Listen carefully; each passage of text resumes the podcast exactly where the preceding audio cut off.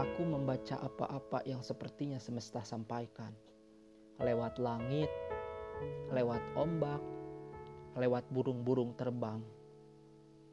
Otakku mencerna segala sesuatu yang mendung, yang tinggi, yang berputar-putar. Lalu suara keluar dari mulut yang kering. Kita sibuk menjadi apa? Debur yang menggulung ternyata lahir dalam kepala. Mendung luruh dari sudut mata, burung-burung hitam legam itu berputar-putar, mengocok isi perut, mencipta mual, melahirkan muntah berisi seluruh keluh kesah. Kita benar-benar telah tiada.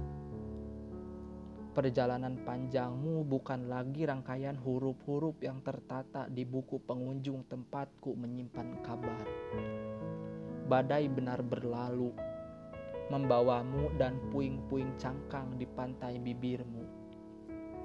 Kini kau nampak bersih dengan tawa dan alga merah jambu yang menjelma rona.